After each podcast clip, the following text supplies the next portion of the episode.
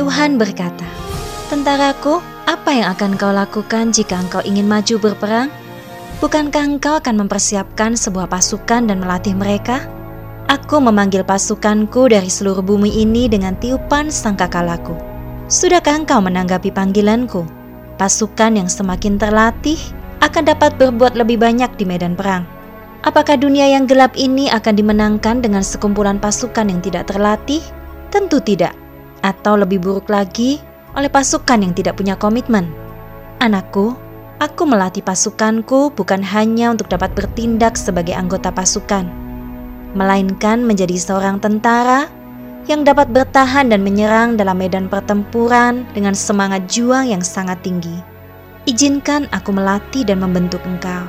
Miliki komitmen penuh untuk memenangkan setiap pertempuranmu, sebab peperangan itu adalah milikku.